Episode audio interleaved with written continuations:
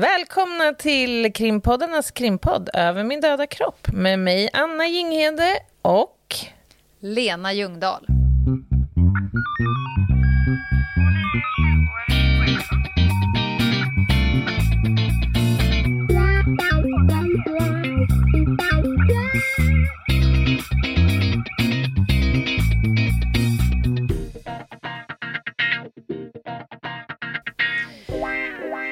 Är det så här, Anna, att på senare tid har det dragit sig in ganska mycket nya lyssnare. mm, underbart. Det, ja, faktiskt både här och, och nya följare på Instagram. Det är ju asroligt. Men vi får ju ibland eh, frågor eh, Ja. som tyder på att eh, det är nya lyssnare och att de kanske inte har hunnit ikapp. Så att jag eh, tänker ta tillfället i akt att presentera oss lite och Oj. den här podden. Spännande. Och, Låter bra. Eh, jag kommer inte att göra det på rim. Jag Nej. gör ju ibland saker på rim, varpå du börjar svettas ymnigt. Sist hade jag även komp med mig. Men Ja. eh, vi skriver en bok du och jag och eh, vi har ju konstaterat att om vi inte hade skrivit den tillsammans så hade det blivit i pixie-format eftersom jag är ganska snabb från A till B. ja. Så att nu tog jag chansen. Jag har skrivit Pixie-boken om Anna och Lena. Vilken tur att inte jag gjorde det här momentet. Ja, för då hade hade blivit den här podden avsnitt. blivit en Norén-pjäs i 463 akter. Ah, ja. Hon kom. Ja, nej, Ja. är du beredd? ja. Luta dig tillbaka nu hjärtat, för nu får du en det. Pixie-bok. Gud vad härligt. Det var en gång en flicka som hette Lena. Hon åkte tåg till Askersund en fin aprildag 2019 med fem överfulla väskor. Hon var nervös och pepp inför sitt deltagande i Sveriges Televisions program Tjuv och polis, där hon skulle vara expert på spaning. På plats mötte hon resten av polisstyrkan och den briljanta kriminalteknikern Anna Jinghede. Anna och Lena hade många kvällar tillsammans i restaurangen på hotellet efter inspelningarna. De pratade om deras unika förmågor och att de lämpade sig väl för ett samarbete. En av dem kunde smyga på folk och ställa till det i största allmänhet medan den andra kunde sopa igen spåren. De skämtade lite om att skriva en bok tillsammans. En fin höstdag kom de på idén att starta en krimpodd. De var trötta på de självutnämnda experterna, journalisterna som vände och vred på färska case och allmänna förståsigpåare. De skulle ju skapa krimpoddarnas krimpodd och därmed basta. Det var fakta som behövde nå folket, myter som skulle avlivas och detaljer som ville broderas ut. Och tydligen var det ett och annat skratt som också skulle ut. Det damp ner ett mejl. Norstedts ville veta mer om den här boken som höll på att formas och en fika senare var kontraktet ett faktum. En bokbebis skulle bli lilla syster till Poddis. Anna och Lena slet som alla andra småbarnsföräldrar. Det trollades med tid. Egentid, poddtid, skrivtid, framtid och en absolut icke-befintlig jävla fritid. Men som de älskade varandra. Det var nöd men mest lust. Den ena gasar och den andra bromsar. Den ena är ett socialt geni medan den andra helst vill gå bredvid. En slår på volley och säger att allt är möjligt och sprutar ur sig idéer. Den andra formaterar, förpackar och försöker i kaoset skapa ordnung. Den ena är Jing, den andra är Jung. Snipp, snapp, snut, så var Pixieboken slut. Ah, slut är den ju inte. Det där är ju ja, slut på del ett. Ja, kanske. ja, ja, ja. Ja. Den här kommer, det är en serie. Det är ett helt band man kan köpa. Mm. Är det något du vill tillägga i detta? Nej, alltså jag, jag är ju full av beundran. Du har inrymt så många händelser på så kort eh, taltid. Ja. Så att jag hade inte ens kommit från Askersund än om, om jag hade gjort Jag ett satt där på tåget. Ja. Tyget bredvid mig var bärnstensfärgat och det doftade lavendel. Ja, lite så. Ja. Nej, men underbart, Lena. Vad kul. Jag, jag tycker det var en briljant idé av dig, det här. För att eh, jag märker ju, precis som du också nämnde där inledningsvis, att, att vi får ju frågor, men det är ju fortfarande inte helt eh, solklart för alla vem som är Ljungdahl och vem som är Ginghede. Nej. Så att eh, nu kanske Då- man har fått en, eh, viss, eh, ett visst förtydligande, så får man eh, Ja. ju... Sen följa. klarnar det längs vägen. Ja. Välkomna ska vi säga till alla nya lyssnare. Det kommer Verkligen. klarna. Och sen kan ni alltid gå bakåt i, i avsnitten. Ja. Man kan alltid lyssna om och lyssna igen. Såklart. Ja. Jaha, ska vi lämna eh, den här härliga introduktionen då och ge oss i kast med veckans tema? Ja, det tycker jag. Du, jag skickade ju en bild till dig idag. En Ja. så kallad eh, hiss-selfie. Ja, de skickar vi ganska ofta till varandra. Ja, det gör vi. Alltså, gör vi. Ja. Du har ju öppnat upp lite en Pandoras ask hos mig. Mhm. Jag har ju aldrig tagit selfies innan eh, mitt första möte med Lena Ljungdahl. Det är enda sättet vi hinner umgås på, Anna Ja, Jinghede. det, det är Ja. ju det. Och ofta så säger ju de här bilderna eh, ganska mycket. Ja, det blir små ögonblicks... Eh, på hur du har det. Ja. Mm. Den, den här bilden jag skickade till dig idag, den tog jag då omedelbart efter att jag hade kommit ut från ett ganska långt möte med en åklagare och ett antal utredare med anledning av ett eh, ärende som jag eh, jobbar med. Och då när Mm. jag klev in där i hissen och betraktade mig själv, jag ska säga då innan till mitt försvar lite att jag var lite stressad inför det här mötet. Mm. Ja. Det blev en snabb Superman-omklädning i Mm. eh, omklädningsrummet och iväg. Va- Du kanske noterade något avvikande på, på bilden? Eh, ja, det gjorde jag. Och jag log i mjugg just för att det också är du. För det här sitter inte väl i dig kan jag säga. Jag hade skitit i dig, men jag kan verkligen Ah. förstå hur du började få pattsvett av Mm. synen som utspelar sig i spegeln kanske du hade det. Ja, alltså min, första alltså min första instinkt var ju att slå min panna blodig i spegeln i hissen. Ja. Liksom, och hoppas att jag skulle svimma av och vakna upp en annan dag. Typ så. ja. Men kan du inte berätta då för våra... Jo, det som är är att Anna står i, i hissen. Hon har sina arbetsglasögon, hon har vällagd frisyr, en lagom pärlemorskimrande läppglans. Hon har en kriminaltekniker skjorta och sina axelklaffar. Och sen har hon eh, en liten eh, flärp fram på bröstet i karbo- fäst med kardborreband där det står tekniker på. Upp och ner. Upp Älsk. och ner. Upp och ned var den. Ja. Mm. ja, men alltså så här är det ju. Det är ju inte alltid det går bra. Vet du vad, det första jag tänkte när jag såg det här, det var fan vad skönt att någon annan gör det. För att jag har ju gjort en liknande. Nej, och det sant. var att jag var i ett av de större mediehusen här i Stockholm och skulle utbilda ett gäng journalister innan de skulle åka iväg och rapportera sport från Rio de Janeiro. Mm. Det var, jag tror att det var fotbollssport Mm. vid tillfället. Och jag håller, eh, vi har gjort liksom en hotbildsbedömning på resemål och så vidare. Och sen så är det paus. Jag kanske har stått och babblat i en halvtimme. Är det paus? Går in i badrummet och ser en syn och dog lite inombords. För att då hade jag en omlottblus som hade en knapp som har gått upp. Så att när jag ser mig själv i spegeln så ser jag min egen navel. Nej, nej, nej. Det har alltså varit öppet ner till navel. Jag hade inte bar hud, alltså jag hade, jag hade ett plagg under, Ja. en så kallad bysthållare.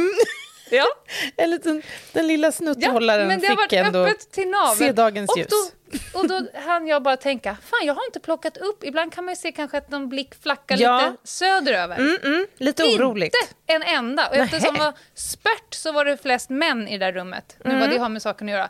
Men inte en enda eh, eh, misskrediterande blick Nej, men har jag fått. vad Så spännande. de har, ja, De kanske helt enkelt trodde att du var liksom lite så här modern by mistake.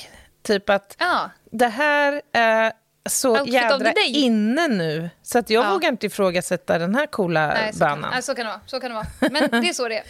Ja, det, men det är ju så att det, det är ju inte alltid som det går eh, på räls helt enkelt. Eh, och ibland kan man ju kanske få känslan av när vi pratar om eh, olika, våra olika intresse och specialistområden att det alltid gör det. Som att vi kan mycket och att det liksom alltid flyter på. Så vi har ju tänkt idag att vi ska prata om de där dagarna då det inte gör det. Alltså, För de finns. de finns ju. Skitdagarna. Låt oss kalla dem skitdagarna bara.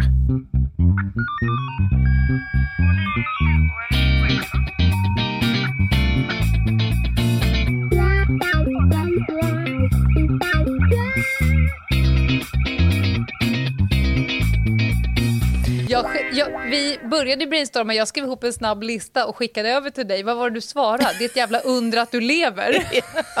ja, men herregud. Det Ja. kan för övrigt i sig bli en egen del i Pixie-serien, känner jag. Mm.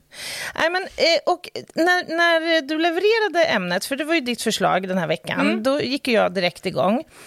Då tänkte jag direkt på vår vän Murphy. Mm. Du vet, man, man skyller så gärna på Murphy eller lagen om alltings jävlighet. Jajamän. Men känner du till storyn bakom Murphy? Eh, inte mer än att jag tror att den var typ tvärtom. Han ville väl... Vill han inte ta reda på saker som skulle kunna gå fel i förväg eller något sånt? Ja, alltså, storyn är så här, för det första ska vi kanske säga att man vet inte hundraprocentigt vad det var som hände i den här stunden, så det är ju lite så här trist på något Ja. vis. Men, men enligt liksom sägnen så är det så att Murphys lag har, har liksom sin em, förklaring eh, i, i Edward Murphy som var någon form av, eh, jag vet inte om han var eh, vetenskapsman eller ja, ingenjör var han ju, det sa jag ju. Men han uppfann olika saker som hade med eh, rymd, liksom, resor och grejer att göra. Och flygingenjörskonst. Ja. Så han höll på att experimentera med raketslädar och katapultstolar och allt möjligt i, Ja. i USAs flygvapen. Och det här var ju typ 40, slutet på 40-talet någon gång. Och han var perfektionist. Han visste ju att det var ju liksom en förutsättning för det fick ju inte fucka upp om man ska skicka upp någon i atmosfären. Eller ja, högt upp i skyn helt enkelt. Ja. Ja. Så att hans uppgift var ju här nu att se till att piloten och en eventuell besättning skulle undkomma då en eventuell, ett eventuellt flyghaveri. Eh, och då höll han ju på nu och utformade cockpit, cockpits, vad säger man? Cockpittar. ja, Cockpitterier. han var expert på cockpittar. ja. Ja, och, Ja. och då säkerhetssystem. Eh, Ja. och, och sen så var det helt enkelt så att vid något tillfälle så blev det ändå strul. Eh, vid något av de här experimenten så var det något av de här mätinstrumenten som inte fungerade och han eh, fällde då den här berömda kommentaren. Eh, alltså, om det finns ett sätt att göra något fel så kommer de att göra det. Och han hänvisade då till en tekniker som hade installerat den här givaren bakvänt ja. Ja, och så, så myntades då begreppet och liksom lagen. Men om man ska tro litteraturen här så hade han liksom inte för avsikt att, att eh, liksom se på det här så, så negativt, utan det här var egentligen någon slags positivt menad uppmaning på något konstigt vänster. Men vi, idag så liksom använder vi ju det här begreppet som att ja, om, om, liksom, om det kan gå åt helvete så kommer det gå åt helvete. Lite, Ja. lite så. Det är lite deppigt ju. Eh, vi har ju. Nu var ju inte Murphys lag först på något sätt, utan har du hört talas om stackars Sates lag? Den svenska varianten? Nej. Nej, den eh, har sin eh, historia från eh, 1800-talet, nämligen. Alltså förlåt, men om det är någon ny lyssnare som undrar om det är Ljungdahl eller Jinghede som pratar nu, så det här är alltså Jinghede, alltså inte Pixibok-människan, Nej, utan nu är det. Jinghede. Men jag ska släppa det här nu. Jag vill, det var en liten, liten, liten utvikning. Men stackars Sates lag har vi, vi har Murphys lag, eller ordstäv som liten tuva skälper ofta stort lass och, och, Ja. och sånt. Som Och som det berör- skälper. Som det skälper, precis. Ja. Det är alltså det, detta vi ska prata om och uppehålla oss kring idag.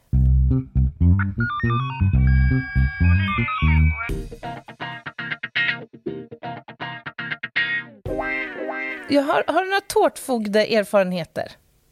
Tårtfogde, ja, du menar, ja, det är ju en, det är en klassiker. Att, man kan säga att allting som går åt helvete eh, inom polisen. Kommer du för sent, eh, glömmer du saker, gör du bort dig, tappar du en tjuv och så vidare. Så vidare då måste du bjuda på tårta. Mm. Och ja, jag har fått bjuda på tårta. Ibland har jag också eh, vägrat bjuda på tårta. Nej, Eh, men det dels, kan man inte göra, Lena. Dels för att jag tycker tårta är jätteäckligt Ja. och dels för att jag är en motvallskärring och tänker du kan vara tårta. eh, men jag har satt mig i situationer där jag kanske borde ha bjudit på tårta. ja, det första gjorde jag... Eh, du vet när man ska skriva ut ett förundersökningsprotokoll. Det kan ju vara ganska många eh, papper Mm. Det som kan ska vara några tusen sidor, ja. Ja. Eh, Ljungdahl skrev ut sitt första förundersökningsprotokoll. Det är en ganska stor dag när man liksom fuppar, som man Ja, säger. När man. Mm. stänger en första förundersökning. Eh, jag valde fel skrivare, så jag skrev ut det här på etikettskrivaren. Men jag orkar inte. Och etiketterna, då pratar vi kanske fem gånger en och en halv centimeter. Det är alltså Ja. en etikett som ska på ett kuvert. Beslag, eller ja, Ja. precis. Åh, Där skrev nej. jag ut. Diggi, diggi, diggi, diggi, diggi. Och sen så står ju också etikettskrivaren i ett annat rum.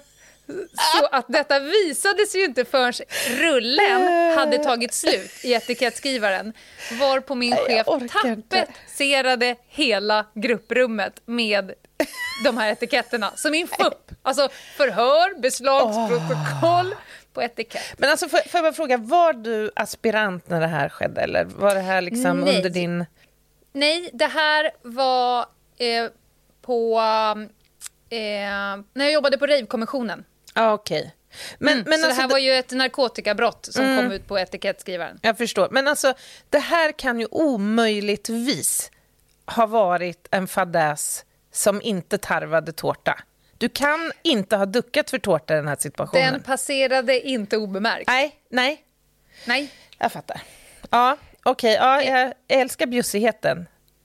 Ja, jag har också eh, skrivit “Jag älskar dig” till eh, eh, LKC, alltså kommunikationscentralen. Ja. Det trodde jag faktiskt inte ens gick. Men på Eh, radion, alltså meddelande Nej, via... nej, nej, nej. På min telefon Jaha. så har jag skrivit “Jag älskar dig”. Eh, och sen så har det gått iväg på något jävla vänster så får de upp det i sin sån här uh, rulle. Varpå de riktade upp till oss och meddelade att vi älskar dig också Lena Ljungdahl. Och då hörde jag hela ha- Du vet ju hur det ser ut på LKC, det sitter ju en Ja. väldigt massa operatörer och man hörde det bara... ja, jätteroligt. Du kan komma upp på vårt plan med tårta sen. Ja, det är underbart. Ja, Ja, jösses. Ja, men alltså, eh, de här handhavande felen har man väl alltid... Eller de. Ja. flesta poliser har väl några erfarenheter kring det här. Det är ju mycket att tänka på och hålla koll på. Sen är man dessutom lite nervös eller stressad, då kan man ju ge sig fan på att det kommer att liksom Mm. strula till sig. Jag har ju berättat i någon annan podd tror jag, om mitt, mitt första arbetspass som aspirant och vi hade ett efterföljande och satt, jag satt bak i en buss och skulle försöka manövrera våran, min radio och det gick ju inte alls. Liksom. Så att, visst har man klantat till det så där några gånger, hamnat på fel kanaler och pratat rätt ut med fel grupp och sådär. Men, men det här var ju ändå lite spännande. LKC-meddelandet gillar jag. ja. Och, och få reda på att det faktiskt funkade. Ja, ja det var ju Ja. en kvalitetskontroll kan man kalla det. det så kan man se det. Eller funktionskontroll. Ja. Ja.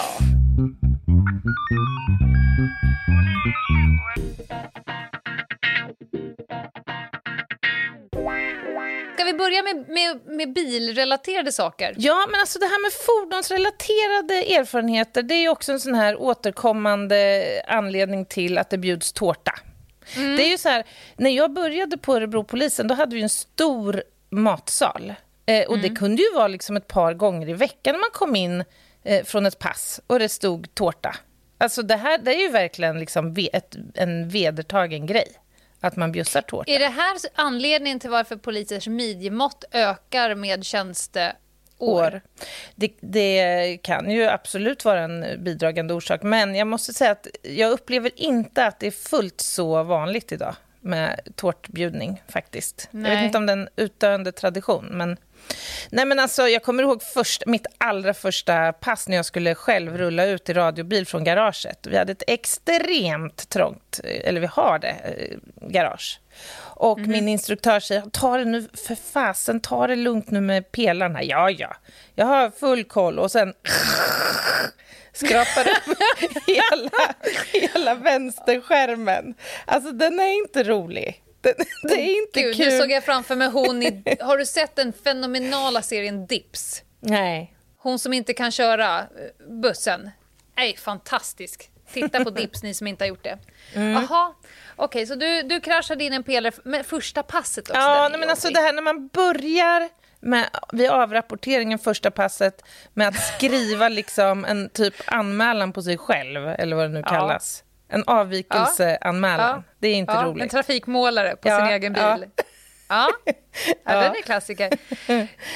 Du då, har du något eh, i fordonsväg? Ja, alltså jag tänker på de här gångerna när man har, kom körande med en bil och har jävligt bråttom. Nu pratar vi kanske inte span, mer när jag jobbar på ordningen. När, man- eller när man jagis eller någonting som gör att man väldigt snabbt ska kasta sig ur bilen. Det är ju inte bara en gång det har glömt att stoppa i p-läget, så bilen eh, jag fattar. fortfarande snurrar. Eh, och den här klassiken som jag har gjort väldigt många gånger, man ska kasta sig ur bilen och inte ha tagit av sig bältet så att man blir hängande Ja. i... I och med att man har skyddsväst så känns ju inte bältet för det sitter ju liksom inte diktan mot tuttarna. Nej, nej. Nej, utan att man liksom på ett väldigt pondusaktigt sätt hänger i sitt eget säkerhetsbälte. Så papphammar. Det är lite Reuter och skog över det hela. Ja, ja, men faktiskt. faktiskt. Ja, Man framstår ju som en Ja. eh, inte särskilt eh, skarp konstapel. Jag kan berätta om en ganska allvarlig sak. Det var inte jag direkt inblandad, men det var min tur, eh, alltså min grupp som jag jobbade i, i Skärholmen. Eh, där åkte de på ett case och sen kastade sig ur bilen båda två. Eh, glömmer stänga dörrarna och nyckeln sitter i. Så att när de ligger framför bilen och brottas med personen som skulle gripas så är det en annan som hoppar in i radiobilen och snor den. Så det är en som snor polisbilen. Och då är det ju en annan polisbil på plats. Så att det blir ju en biljakt genom söderort där radiobil 2990 jagar radiobil Nej, 2980. vad sjukt. Och det här larmanropet, jag tror att det är ganska många poliser som har det sparat på sina telefoner för Mhm. det är ett fantastiskt rolig dialog på LKC, alltså på larmsamtal i och med att de trycker på larmet. Eh, och det bränns ju rakt över skärmens torg och så vidare. Där, Ja. och folk måste ju ha tittat på vad fan Och undrat vad är det som som pågår. pågår? Ja. Man inte vet att den som sitter i första bilen inte skall sitta i första Nej, bilen. precis. Ja, Så att, eh, exakt. note to self, eh, dra ut nyckeln alternativt stäng dörren så att ingen kommer åt. ja, Det går att låsa fast blåljusen är igång. Liksom. det är ju en typiskt bra grej. Jag ja, har ju, bra grej. jag har ju också glömt det där med eh, parkeringsbroms i en eh, backe. Eh, Mhm. och eh, när jag sen kommer och ska hämta min bil så står den kloss mot en bil Nej, med nej men framförvarande sluta! bil. Den har rullat iväg. My bad. Och det här var ju också lite jobbigt då, för att då fick jag ju kontakta LKC och göra en QP. Eh, Ja. Och få kontakt med fordonsägaren. Och det här var när jag var Mm. privat. Eh, faktiskt när jag gick sista terminen på Polishögskolan. Så att jag fick ju tag i fordonsägaren och jag kom ju, fick, eh, fick ju en adress. Och jag ringde ju på då och lite skamset stod och skrapade med tassen där och tittade Ja. i golvet och sa ja, jo, det är så här. Ja. Ja. Varvid han kliver ut och så säger han ah, det var inte så farligt, du vet den där bilen, det, det är inte så noga, vi tittar på den där. Han säger, ah, om du byter lyktan bak så, så blir det bra. Jaha. Och köp, köpte en ny eh, baklykta till honom och ett glas som var trasigt och så var det inget mer med det. Ja, men då blir man ju nöjd ändå. Vad karma. Ja, verkligen. Det är ganska verkligen. många som skulle köra en smitning för trafikolycka på den och bara hoppas att ingen såg och, och dra. Men det är faktiskt ett brott att göra så. Ja, det är absolut. Jag har också vid ett tillfälle angående bil varit och spanat i P-husgaraget vid Gallerian här i Hamngatan i Stockholm. Eh, och jag var ganska ensam på objektet. Vi hade varit inne i gallerian och jag varit med om dem där runt, runt, runt. Och så går ner i garaget och jag ropar på radion så här, nu går han mot bilen. Jag hoppas liksom att någon spanare annan skulle kanske kunna ta själva färddelen ut från garaget. Men nej, jag hör ingenting på radion. Jag tänker, fan är de någonstans? Jag får fortsätta då. Så att jag ser ju han går till sin bil, kutar till min bil, eh, ser baklyktorna på hans bil, eh, åker mot bommen. Det är en sån här bom, så. Ja. Stoppar in, jag kommer inte ihåg om det är med kortet eller biljetten, och så står det ju i displayen på den här, så här trevlig resa. Tack, skriker jag typ för mig själv. Kör. Eh, det har jag glömt att jag inte tittat fram så att man, bommen har inte åkt upp än utan det står trevlig resa och då öppnas inte bommen förrän man typ tar Det var signalen. eh, kvittot. Gasa i Ja. hundra. Ja, trevlig resa, tack, hej! Så att den här bommen bara flång, den flyger upp och gör någon form av 360 och landar i ett crescendo bakom mig. Tänker men satfläsk för helvete. Nej, jag måste spana så att jag åker bara och sen ringer jag till gallerian. Men, vä- vänta, Eh. vänta, vänta, vänta, vänta. Jag måste spana, säger du. Ja, Du tycker inte att dina chanser har eh, decimerats en liten, liten, liten smula? han Efter såg detta. ju inte det här. Nej, Och men jag även gissar om att han kanske hörde. det. Det blev Ja, ett VMA. Fast vänta här nu. Även om du tittar i backspegeln och ser en, en blå Audi med en tjej med snusnäsduk i håret och läppstift och alltihopa som drar en bom. Det är ju inte solklart att ah, jag har bängen efter mig. Det där är ju en, en snurrkärring som inte kan se. faktiskt helt rätt. Det är väldigt opolisiärt hela situationen. Jag skulle säga att jag är supersafe att spana. Jag skulle kunna hänga fast med dragkroken på fanskapet resten av passet. Han hade förmodligen ringt polisen. Ah. Nej, men då ringde jag i alla fall till gallerian och så sa jag hej, hej, hej, jag är polis. Jag var tvungen att åka. De bara, ah, vi har gått ner och hängt upp den där. Det häng, händer ungefär 16 gånger om Aha, dagen. Ja, men då okej. så. Ja, Vi men kanske då. bör byta system, tänkte jag. Ja, det var Ja. kanske dags. Ja, men Ja. jag har ju också, alltså, för mig har ju, jag har ju haft några sådana här situationer i samband med att man har känt sig stressad. Mm. Bland annat så eh, vill jag minnas ett eh, ganska uppmärksammat eh, mordfall som kom in som vi skulle jobba med, jag och en kollega. Och så skulle vi snabbt iväg och det här var ju, då hade man ju anträffat en kropp eh, utomhus. Och vi skulle ha med kroppstältet för vi förstod att det kommer bli mycket media på platsen snabbt. Så vi måste ha tältet och det handlar ju också om att skydda spår på kroppen. Och du vet hur det är det där när man ska koppla på, eller kanske du inte vet, men det här när man ska samarbeta under stress och det är oklart vem som gör vad. Liksom. Vi skulle koppla på en släpvagn då med det här eh, tältet. Och Jajamän. du vet när vi båda två ska så här kollegialt hjälpas åt. Så att ja, en lyfter på, en sätter i Ja, kabeln och en där. snurrar. Ja. Ja. Eh, Men det ingen gjorde var att försäkra sig om att släpet verkligen var väl förankrat. Så när vi rullar ut ur polishusgrinden och Aftonbladet, Expressen och diverse andra stormedier står och väntar in då Jinghede och eh, nämnda kollega rullar ut i den stora mäktiga Ford Tristaren med det påkopplade släpet och släpet rullar av och iväg när vi går ner Förbi för den här... Ja! Då känner man sig ju inte som världsbäst. Incoming! Ja. Och min kollega som är ganska stark, så jag ser, han, hans tinningpulsåder trodde jag skulle brisera. Jag ser honom gå ut, lyfta med handkraft detta släp, stövla iväg, häkta på det, sätta sig bredvid och så säger han kör! ja, alltså jösses.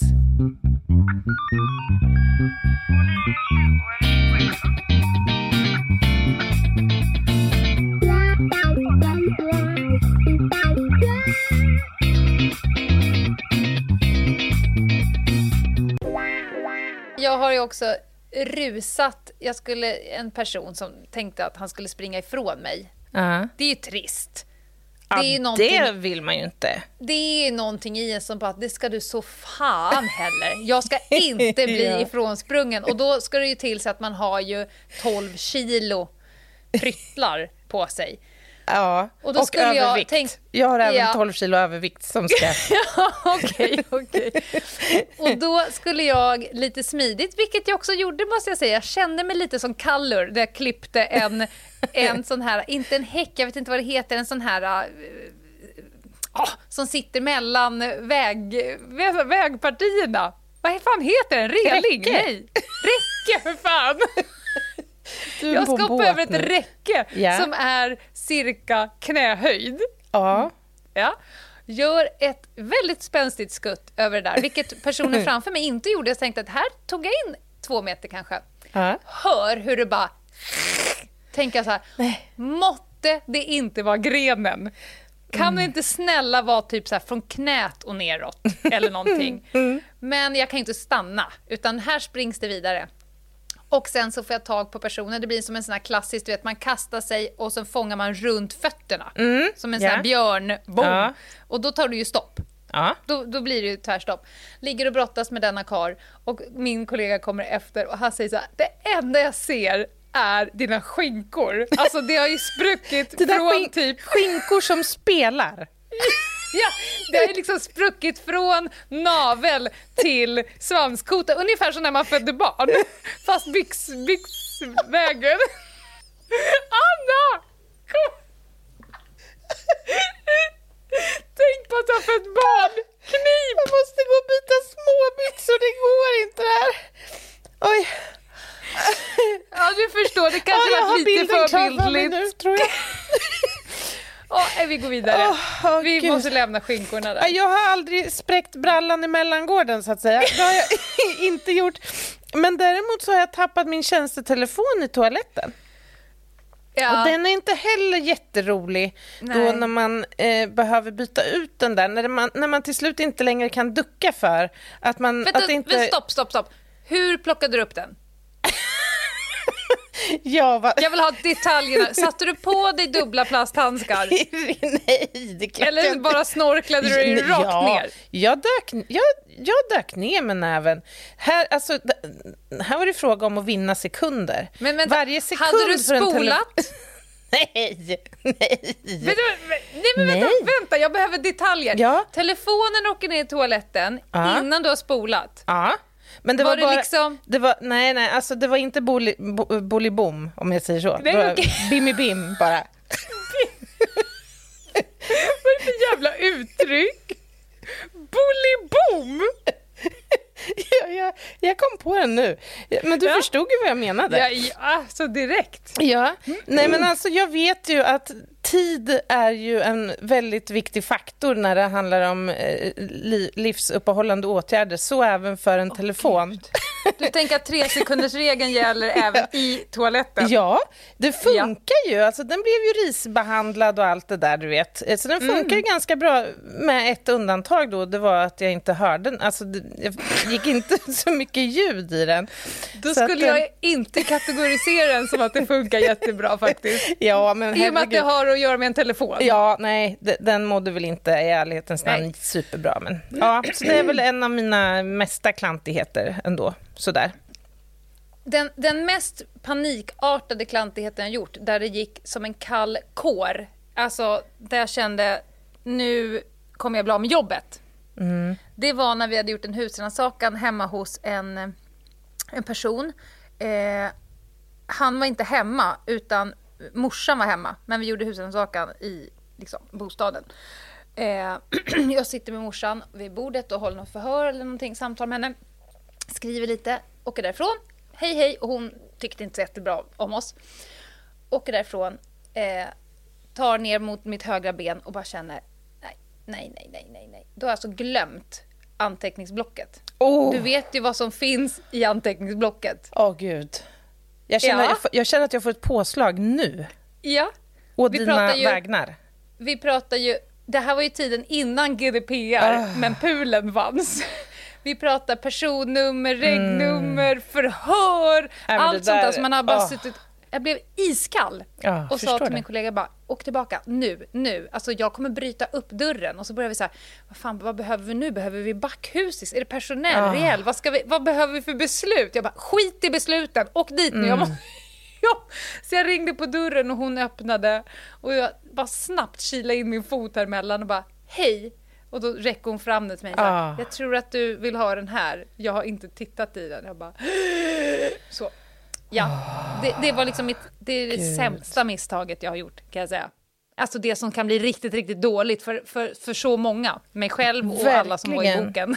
Och sen är det ju så här att man är ju såklart, det gäller ju för många yrken, alltid orolig för att man ska eh, begå något slags misstag eller liksom klanta till. Jag menar, man är människa trots allt som, Mm. Ja. som kan innebära problem för i någon form av disciplinär, disciplinärt avseende till exempel. Det här om dagen skulle jag gö- göra, skriva en anmälan, jag tror vi pratade om det i någon live. Och Mm. då skulle jag ange mig själv som anmälare och klickade ju in mina personuppgifter och då kom det upp en sån här "Brr, Du får inte mm. göra sökning på dig själv. Ja. Och, och, även om jag vet att det här är ju hur lugnt som helst, för det var ju inget jag hade uppsåt att göra Nej. och jag kom ju aldrig åt någonting, så, så slår det ju an en sträng i fasen, har jag ja. gjort något fel här nu som kan bli något... Ja. ja. du vet. Och allt handlar ju om syftet. Vad var syftet ja. med åtgärden? Ja, men jag, jag har också eh, klättrat in i fel lägenhet vid en husrannsakan. Där vi fick ah. beslut om husrannsakan där. Mm. Varpå jag gjorde lite bedömningar och sen så tänkte jag här kan jag ju ta mig upp. Så jag klättrade upp. Via, ja, du liksom tog ju som vanligt fasadvägen då. Ja, ja. jag såg en spaljer, jag såg en stupbräda. Jag tänkte det här löser jag. Ja. Klättra in, hoppa in i lägenheten. Jätteförvånat par som satt där. Och jag bara Tjena! Ja, gud, förstå eh, vad överraskad man skulle bli. Ja. Tänk dig själv. Ja, ja då, och då var det så här, vad ska jag göra? Alltså det här, är ju, det här får jag inte göra, nu har jag ju så. Men det, de var helt chill med det när jag uh. bara förklarade att jag klättrar helt enkelt in i fel lägenhet. Men de var så här, vi gissar vart du ska.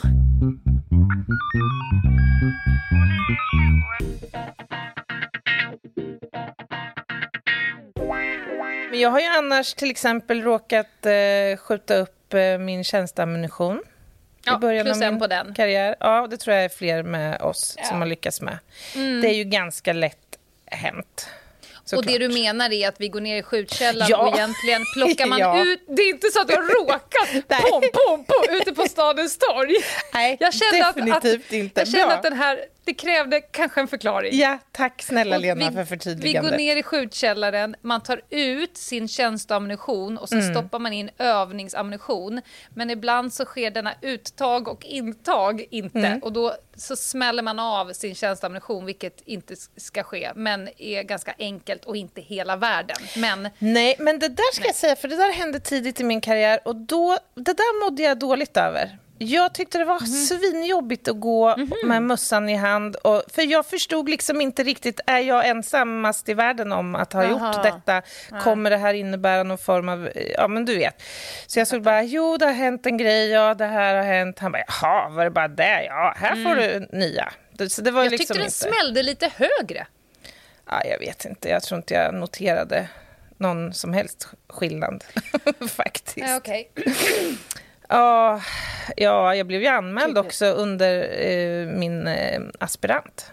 Det var inte mm -hmm. jätteroligt. Hur gjorde du då, då? Nej, det var ett ingripande och eh, som fordrade en hel del våld, helt enkelt. Mm. och det var en, en kvinnlig supporter vid ett stort eh, känt fotbollslag i, hemmahörandes i huvudstaden som skulle möta Örebro SK i fotboll. Och hon var både påtänd och väldigt våldsam och skulle då um, omhändertas för fylla initialt. Eh, mm. och för då är traditionen att då får, får, man åka med supporterbussen hem sen om man har liksom lugnat ner sig och så. Mm. Men då när vi skulle sätta in henne, hon var bojad, alltså hon hade handfängsel på. Och när jag sitter med henne bak så ser jag någonting far upp liksom, i min ögonvrå. Och jag ser inte vad hon håller i. Så jag, då finns det ju lite strategier för det där, du vet. Man får trycka till lite upp i fönstret för att försöka mm. avväpna den här personen. Och under det här, och det utbröt då ett tumult. Det visade sig sen att det var en telefon hon hade lyckats få upp ur fickan. Mm. Eh, och inget farligt egentligen, men ändå. Eh, och det utbröt ett tumult. Hon var otroligt våldsam. Och under tumultet så bröt hon en arm mm. som hon sen anmälde mig för, för misshandel, helt enkelt. Mm. Och det var en jättejobbig situation, men väldigt läraktig också. Alltså mm. vikten av att avrapportera väl och beskriva de här händelserna när man har tvingats bruka mm. våld och vad som har hänt. Mm. Så det, var en, det var en viktig lärdom, men det var en jobbig erfarenhet där och då. Men det gick ju bra. Eh, det fanns ju många vittnen till det här och det var inga konstigheter, så att säga. Jag hade inte använt mer våld än vad situationen krävde, så att säga. Nej, och ibland kan det ju se jädrigt eh, aggressivt ut. Absolut. Alltså, och, och, felaktigt. Jag har ju ryckt kryckorna av en man som behövde kryckor. Och det är mm. ganska taskigt. Ja. Eh, men om man inte såg det som hände före, alltså att han gick och slog folk med sina kryckor.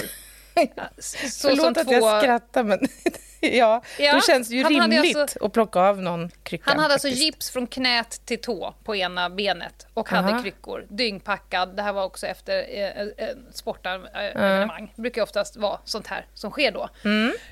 Ja, jag jobbar i söderort och har haft hand om liksom Söderstadion, Hovet, Annexet och Globen. Det är. Jag vet inte hur många idrottsrelaterade saker man har varit på. Men Mm. i alla fall, han gick runt och slog folk med de här kryckorna och till slut så lackar ju Ljungdahl och går fram och helt enkelt tar tag i kryckorna och rycker dem ur händerna på honom. Ja. Så han får stå där som jävla eh, flamingo och stå på ett ben. Ja, nej men Ja, det är väl en rimlig jag åtgärd. kan också ha sagt det att nu, får, nu du kan vara flamingo. Ja. Nu är det färdigslaget varpå han kallar mig för en jävla Gore-Tex-hora. Det tyckte jag var Nej, men kreativt. gud vad oschysst. Ja, det var ju oschysst. Jag gillar inte ett Gore-Tex. Nej, jag menar det. Taskigt. Några missbedömningar. Du nämnde ju den här bommen i P-huset, om man nu ska kalla det en missbedömning, men du missar ju Mm. Ja, uppenbarligen den här lilla, lilla bommen som fanns framför bilen. Ja. Jag har ju eh, åkt igenom en rondell i kanske 100 km i timmen också. Det var inte jag som Mm. körde, vill jag eh, poängtera. Är det den uppe i eh, Åre eller Krokom eller där? För Nej. där finns det väl en rondell som ingen någonsin har sett. Nej, det här var definitivt inte den rondellen. Det här var en ganska eh, liten och ja, Oansenlig liten rondell. Rondell. Det är också så här, jag har för mig att vi skulle åka på ett automatlarm som ju oftast inte är någonting, men det vet man ju aldrig Nej. egentligen. Så man står ju på då och hastigheten felbedömdes å det grövsta kan man väl säga. Så att vi Ja. gick ju på två hjul upp i den här rondellen Åh, och radiobilen var ju liksom bara mos faktiskt. Eh, Ja. Och det var ju så där när yttre befäl kommer och plockar upp en då och kör in en till station i bussen och Mm. man samtidigt får ringa och, som får hämta radiobilen. Det, det känns Då lite... toppen. Ja, trist ju. Men Mm. det är sånt som kan hända, såklart. Sen har jag blivit blåst en gång också Jaha. eh, av en bilist. Jag och min kollega eh, slog stopp på ett fordon som drog både ett rödljus och körde du vet, slalom mellan eh, körfilerna i innerstaden. Eh, och eh, vi stod lite illa till. Eh, så att, men vi gjorde först ett, ett snabbt stopp och så var planen då att vi kör, du får köra fram lite grann så vi ställer oss lite bättre till. Och när, jag vevar, eller när han vevar ner rutan så är han superstressad och så här, Åh, min dotter är i fara och hon eh, har skrivit sms till mig att eh, hon är uppe på stan här och i en väldigt utsatt situation. Och, Ja, och vi gjorde ju en snabb då utvärdering av den här informationen och bedömde att då är det mer prioriterat i den här situationen än att skriva en obot. Och det kan vi göra på Ja. honom senare. Eh, Jajamän. så. Ja, men eh, okej, jag- vi f- följer dig, så att kör på du, för han låg ju framför oss. Så följer vi med. Sen vek han av runt hörnet och drog i 200. Och sen såg vi aldrig honom något mer. Fast lite roligt Ja, ändå. det är lite kul. Men han fick ju Jag sin bot att- sen ändå. Men eh, Ja, var kreativt ändå. det tycker jag. Ja.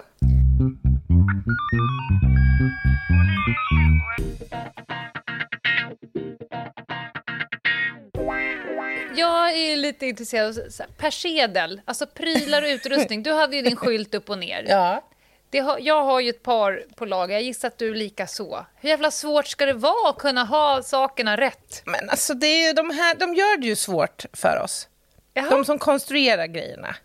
Ja. Ja. men alltså, låt mig bara nämna som hastigast. Vi har fått nya axelklaffar, Lena, sen du slutade. Jaha. De här axelklaffarna har någon form av... de har någon form av behåring. Sa du behåring? ja, alltså på insidan av klaffen så är det Jaha. som ett hårskikt. För att de inte ska glida runt Ja, det är ju eller? något form av ludd såklart, men det ser Ja. alltså ut som, som grått hår. Så Och när då du- vänder du dem ut och in? Nej, men när jag ska trä dessa små rackare, de är dessutom väldigt så här, gracila numera. Förr var de kraftiga liksom, Mm. Ja. och vävda. Ja. Nu är det något på material. Så när man ska trä dem där på sina klaffar, eller, Yes. ja, då blir det hår på axel, så att säga, själva axelpartiet. Vadå Jag ser ut som någon form av Chewbacca ibland. Som Doris? ja, Nej, men det släpper ju Jaha. hårtussar från dem. Jag kan säga mina sista klaffar jag jag, jag var ju faktiskt kommissarie. Alltså, Mm, det är stort. Exakt. Kommissarie i Ljungdahl så att, och det var de enda klaffarna som jag kunde sätta åt rätt håll. För annars så visste inte jag, jag aldrig vad... Säga, det var de enda klaffarna jag kunde ha. Ja, ja alltså, det var inga andra som passade. Det var bara de. Ja. Nej, och nu tänker folk, vad fan har hon fått hybris? Nej, men så här Nej. är det, när man är lärare på Polishögskolan, mm. eh, i alla fall var det så då, då blir man automatiskt uppgraderad till kommissarie. Yeah. Så att man går, man går runt och är kommis helt enkelt. Mm. Vi brukar kalla det för låtsaskommissarie. Ja, mm. men de, de i alla fall, de, för annars så hamnar de ju alltid åt fel håll. Man visste inte vad som var in och Nej. ut på de här... Eh, ja. Skitsamma, men en rolig situation och det är, var faktiskt inte jag, men en person som jag känner mycket väl som hade kastat i sig sin mat mm. eh, och sen så hände det ett grovt brott och den här personen blev då inkallad eh, typ först på plats, vi pratar platschef då. Mm. Kommer dit, nu gör vi så här, går ihop med räddningsledaren, pratar bla bla bla och sen kommer en kollega fram och bara lite så här, eh, du, eh, mm, mm. då hänger det en halv lökring på båtmössan fram. Över själva märket så hänger liksom en halv, inte just en, inte en sån här friterad utan liksom en halv, ja men sån här slicead lökbit som är på hamburgaren, hänger och dinglar fram på båtmössan. Nej men det är så ovärdigt. Samtidigt som man står så här, nu gör vi så här, jag beslutar om det här, beslutar om det här. Bara, du gör ingenting. Du gör absolut ingenting. Du är Lätt att ta på allvar också. Verkligen. ja, men apropå båtmössan så har man ju också blivit prankad några gånger. Så att ja. ens kollegor har vänt på, på märket ja. på mössan och även men, klaffarna du, och sådär. Du, vi måste ha ett helt avsnitt om pranks. Ja, men det är ju kul ju. Jag vet inte om jag har varit på en, en eh, en osedvanligt sjuk eh, enhet. För det har ju prankats så in i helvete. Mm. Jag kan berätta om en som är, är inte kanske...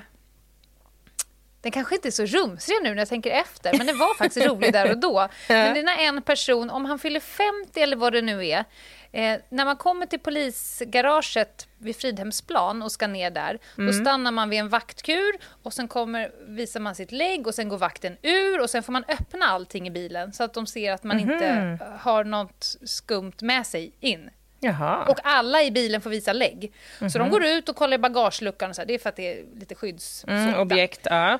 Det som eh, den här personen inte vet, alltså eh, kollegan, vi kan kalla honom Ulf, för att han hette det. Eh, ja, det är taget.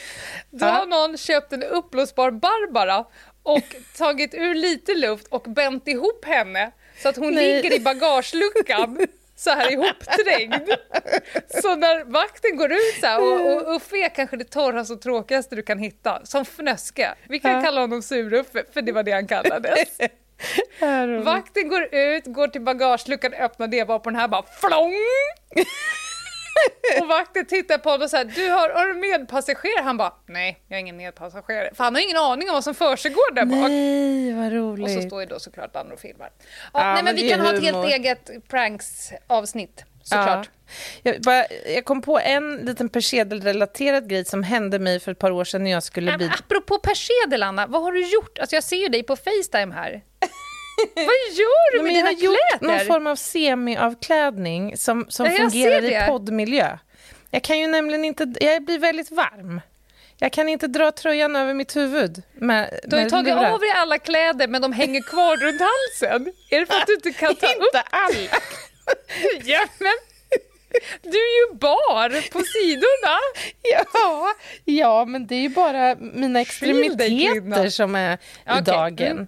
Ja, förlåt. Ja, I alla fall så skulle jag ju då bli doktorand för några år sedan och då måste man ju presentera sin planerade forskning som i mitt mm. fall ska vara över åtta års tid inför en betygsnämnd.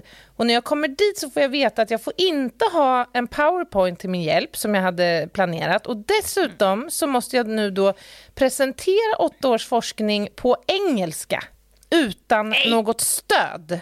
Nej, men. Ja, och det här aktiverade ju ett, mitt sympatiska nervsystem. Eh, jag hade kraftig eh, in, utsöndring av eh, ja, svett. Jag blev så stressad ja. och nervös. Ja. Men, men jag tog mig i alla fall igenom det här momentet. Mm. Eh, jag fick en del frågor, det var tufft, men det var... Ja, det var tufft, men det gick bra, om man säger så. Du var säkert så vansinnigt förberedd, så jag är inte ett dugg orolig för att du levererade. Ja, det, det, funkar i alla fall. Men mm. när jag sen då kommer ut så noterar jag hur jag har Tom Jones LPs under respektive arm. Och... ja, ja. och jag har Men. även denna morgon vänt min blus ut och in. Så jag har en, en du vet, det är också en, en sån blus, en, flär, en flärp. Vissa eh, fabrikat har ju någon form av Som ett helt nystan. jävla blädderblock. Det är som ett blädderblock ja, som ja. stod rätt ja, ut i nacken. A1. Ja, Ja, ett blädderblock. Oh, fast jag tänker att de måste ha trott att jag är något form av professorsämne bara. Det kanske var till min fördel i den situationen, men det kändes ja, ju inte toppen. du tänker lite så. Som ett litet flottigt geni, ja, som de ofta är. Exakt, exakt. Ja.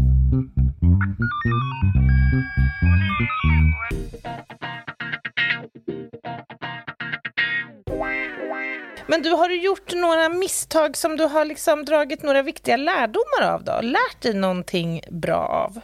Ja, men jag skulle säga så här, efter att ha jobbat med narkotika i väldigt många år. Jag har ju liksom funnit mig själv ståendes i ett jävla dammoln av mm. heroin, amfetamin, kokain, där någon bara har fått eh, en mikrosekunds för mycket fladderutrymme av mm. mig. Mm. Alltså att jag varit för bjussig med eh, friheten mm. att röra sig. Ja. Mm. ja, och därmed så bara det bara dammar till. Och det, mm. då, det är så ovärdigt att ligga på alla fyra i trapphus och försöka skrapa upp heroin. Ja, eh, när det, det strax ju... där innan var i ett emballage.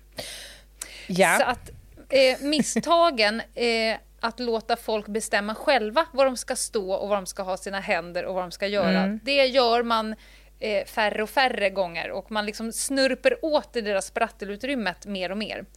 Eh, och mm. sen så eh, på samma tema eh, så har jag ju då när jag har haft narkotikautbildningar har jag ju utnyttjat gymnasieelever som figuranter och då ska de få gömma knark på sina kroppar och sen får de som ska bli narkotikapoliser få öva på att leta. Mm. Och det är jätteroligt att se vad fingerfärdiga och fiffiga de är. Så att, att leta omlott, mm. alltså att, att mm. en person letar och nästa letar på samma ställe och sådär för att man mm. missar och missar och missar. Och den sista grejen jag lärt mig av, att jag gjorde alltid hopptestet när jag gick mm -hmm. in i trapphus. Har du gjort ett hopptest Nej, vad är det för något? Det är ett test om du, ska, om du har en, en tjänst som du ska smyga väldigt mycket. Nu gör ju inte kriminaltekniker för ni kommer ju med liksom en buss med jävla gadgets. ja, Men för vi är inga smygare som, där vi inte. Nej. Nej. Men för oss som är smygare, då får det inte skramla, det får inte gnissla, det får inte eh, låta, det får inte surra, det får inte blinka, det får inte göra någonting. Så, då, så precis innan man går in i det här utrymmet där man ska smyga, då hoppar man helt enkelt. Mm. Man hoppar på plats och ja, ser till att se. allting sitter Hur fast. Inget... Ja, du ska låta helt knäpptyst och dina sulor får absolut inte knarra eller gnissla. Oh, Gud, skulle jag göra ett hopptest när jag ska åka ut på jobb, då tror jag jag skulle dra av hälsenan eller någonting. du, du, skulle inte lyfta. Det skulle bli en, en halvdan tåhävning för dig. Ja. Exakt. Ja, ja själv, har bra du lärt lärdomar. Något? Ja, men alltså, jag känner igen mycket av det här du beskriver. Men så det här, den här godtrogenheten till exempel med frihetsgraderna vi pratar mm. om. Det, det, är ju en mina som de flesta går på liksom, mm. eh, i, i, i, sin tidiga karriär. Men det jag direkt tänker på det är faktiskt en händelse som skedde innan jag kom till polisen. När jag jobbade som tandläkare och jag var ganska nybakad eh, tandläkare och skulle operera bort en visdomstand på en ung tjej. Och det här, när man ska göra det förenklat så måste man borra bort lite ben för att få ut tanden. Och när jag borrade ben på henne så blev det här handstycket som man borrar med blev överhettat så jag brände mig som tusan i handflatan. Och när jag gjorde mm -hmm. det mhm. så liksom reflektoriskt så ska jag dra ut det där ur munnen och då går jag emot hennes munslemhinna. Så hela det yttre lagret av munslemhinnan det bara ritsch, rullar ihop sig. Som en... Sluta! Som en korv i kinden. Som ja. en hälsena på en innebandyplan ja, fast i polishuset. I ja. ja, fast, Nej men fy! Vad fan här... lärde du dig av det då? Jo, men jag kommer ju till det. Ha grillvantar på dig när du opererar folks tänder. ja, men det här läkte ju jättefint. Det var ju inga problem så. Men så var det ju dags då för henne att komma på en ny undersökning och då noterade vi att nu behövde ju tanden på andra sidan opereras ut. Och då säger jag till henne så här, vet du vad? Jag kommer skriva en remiss till käkkirurgen så hjälper de dig med det här. Jag tror att det är, vi, vi brukar göra så när det har blivit lite så här tokigt första gången. Mm. Och då mm. reste hon sig upp och så sa hon så här, om inte du tar bort handen, då får ingen ta bort handen. Och det, lärde, ja, och det lärde mig så här att om man är... Alltså alla kan göra misstag i sitt yrkesliv och i sitt privata. Men mm. om man är någorlunda kommunikativ och empatisk och faktiskt visar att det här blev tokigt. Jag är jätteledsen för det här, jag kommer göra allt mm. jag kan för att ställa till rätta. Och det här är liksom, alltså informativ. Mm. Då kan man liksom då bygger man hämta upp hem. lite, hämta hem ja. Man bygger upp mm. lite av det där kapitalet. Och det gäller mm. ju många yrken. Alltså man kan ta människor helt enkelt. Ja, ja. Så att, eh, att vara liksom uppriktig och ärlig i den mån det är möjligt, det tror jag man vinner ja, väldigt verkligen. mycket på. Gud, så många gånger man rent polisiärt som person bara har bett om ursäkt. Ja. För att man, ja, att, be, att liksom ta någons frihet. Du får inte hålla där och händerna ska där och benen ska vara där. Och du vet, det är ju jävligt kränkande. Men om man mm. hela tiden liksom förklarar och är informativ varför. Och jag har gått på misstag flera gånger och jag vet ju inte vem du är och nu Exakt. får det bli så här. Och om jag har fel så... Ja men alltså, mm. då brukar det gå väldigt bra. Då köper ju människor läget ju. Ja. Helt rätt. Mm. Du, det här, alltså jag känner att det här är ju ett tema som vi skulle kunna ägna fem avsnitt till. Vi har ju bara liksom snuddat på ytan känns det ja. nu, nu tror ju folk att vi är helt odugliga men faktum ja. är att alla har ju Exakt. sina... Välkommen, välkommen till de nya lyssnarna, det är vi som är era experter. ja. Vi kan krim. Vi kan inte klä på oss, vi kan inte köra bil, vi kan inte äta, vi kan inte hantera folk men vi är så himla bra på det här. Men vet du, jag tror att våra lyssnare har full förståelse och jag tror att människor kommer känna igen sig. Ja. Ingen är väl perfekt? Och apropå det så tänkte jag att vi ska runda av det här avsnittet med en mm -hmm. liten lista som handlar om eh, några andra exempel på människor som har haft dåliga dagar. Veckans lista. Vi börjar med plats nummer fem. Och Det här handlar om en historisk händelse som du kommer att känna igen.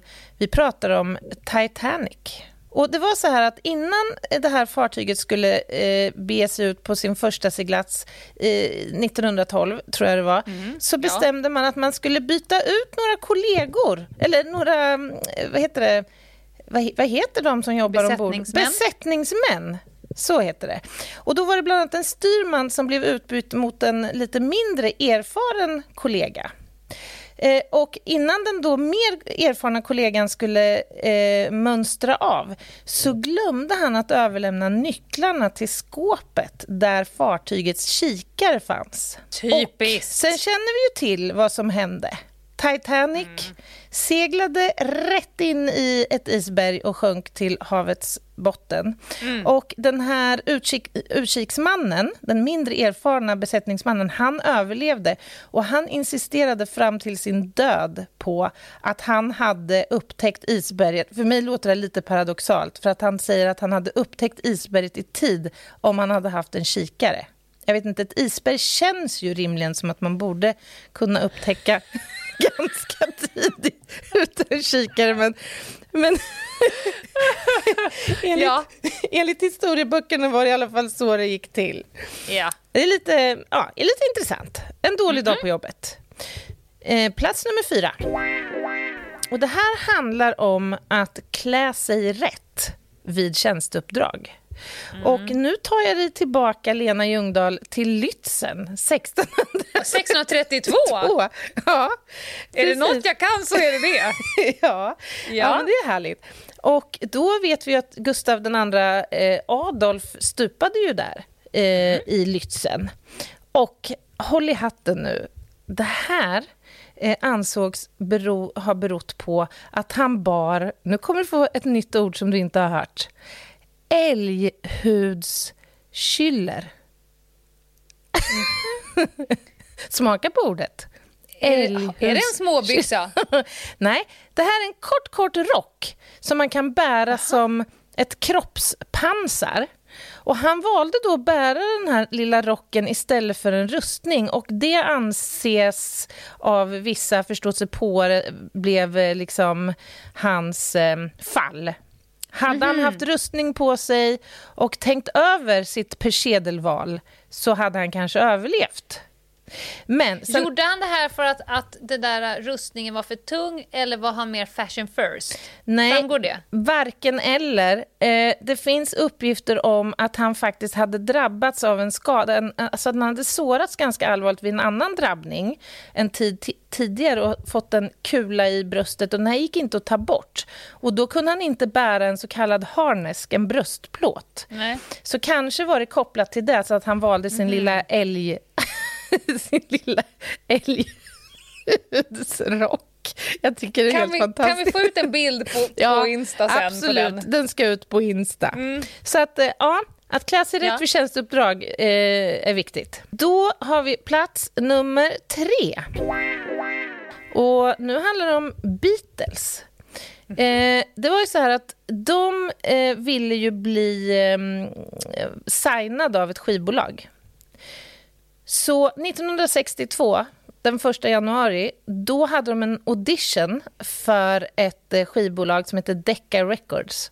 Så de framförde då 15 låtar under en timmas tid.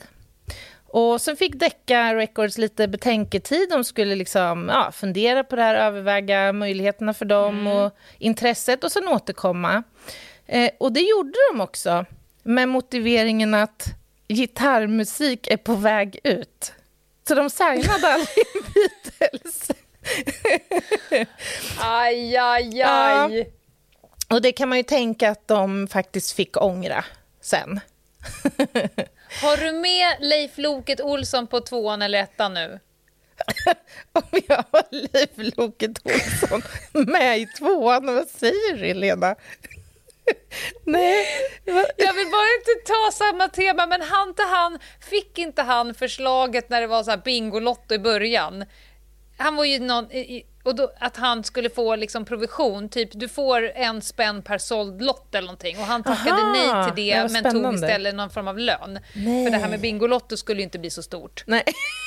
det har jag inte hört, men det var ju faktiskt Nej. ett bra exempel annars. Ja. Nej, jag har inte med Leif Loket Olsson i tvåan, men däremot så eh, är vi på svensk mark nu och mm. nu tycker jag att vi måste på plats nummer två prata om Ines Usman. Du vet sägningen att internet är en fluga som kanske blåser ja. förbi? Mm. Nu är det ju så att Ines Uusmann sa aldrig så, utan hon blev helt enkelt felciterad i en intervju i maj 1996.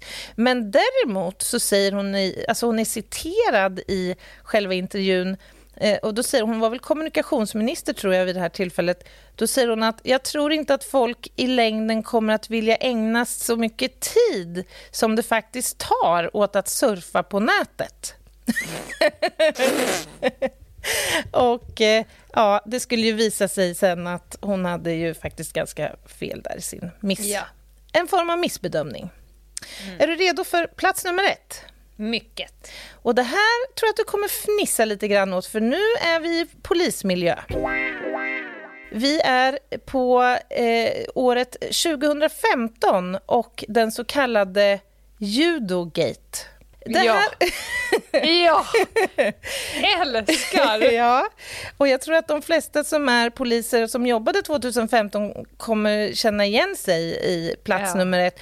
Det här handlar alltså om att eh, en person vid Polismyndigheten... Ja. Det är så dumt! Jag orkar inte det här. Det handlar alltså om ett utskick som görs internt i polisorganisationen om att... I gropwise, ja, som mejlen hette. Om att polis-SM i judo går av stapeln den 19 september i Halmstad. Och det här ja. utskicket det gjordes via stora så kallade distributionslistor. Alltså större delen av personalen, närmare bestämt 25 000 individer, fick detta mejl. Med eh, effekten att när en person väljer reply all, alltså svara alla om man vill vara med i polisen i judo, så kraschar ju alltså hela, alltså hela servern. Alltså man fick så många mejl. Ja. ja det var ju det rull, alltså rull, rull, rull, ja. rull med personer som svarar på om de ska vara med i judo-SM. Och folk säger, fast jag håller inte på med judo, men får jag ändå vara med? Och, ja. När var det nu igen i september? Fan, vad, vad behöver man ha för kvalifikationer? Funkar, det var ju någon som skrev så här, funkar det med sockerplast och underställ? ja, nej men alltså det Stackars var ju... utredare som ville försöka få ut ett mejl, något viktigt om, något, om något, någonting de höll på med. Ja, det, nej, men det här var ju naturligtvis inte bra. Men det här var ju... Det var en... jättebra, ja, det var det bästa det var ju... som hände 2015. Det var väldigt roligt, men det här tillhör ju en sån fadäs som faktiskt innebär en lärdom. Polisen har ju nu ändrat liksom möjligheten ja. att göra sånt här stort massutskick, eh, eller sån här möjligheten att svara 25 000 personer går helt enkelt inte längre. Det är synd tycker jag. Men alltså plats nummer ett, judogate.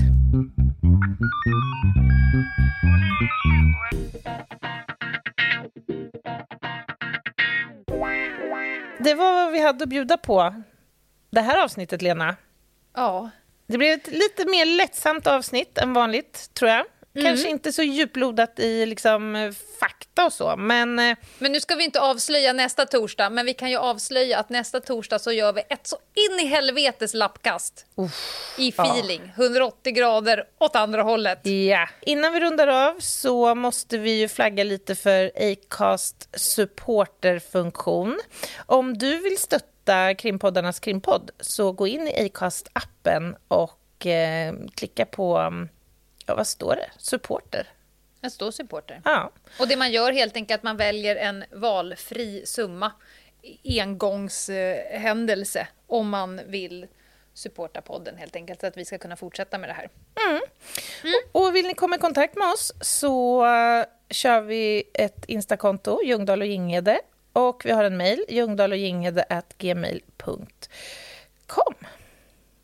Och så hörs vi på måndag. Glöm inte att vi också har måndagsavsnitt.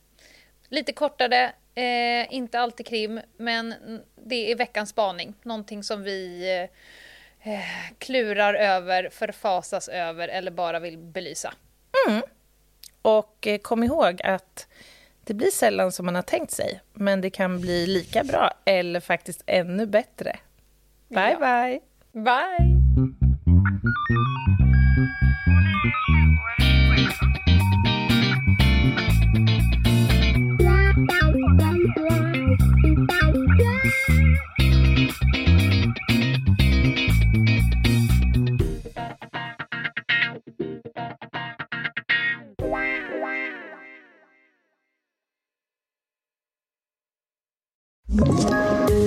Poddtips från Podplay. I podden Något Kaiko garanterar östgötarna Brutti och jag, Davva, dig en stor dos skratt.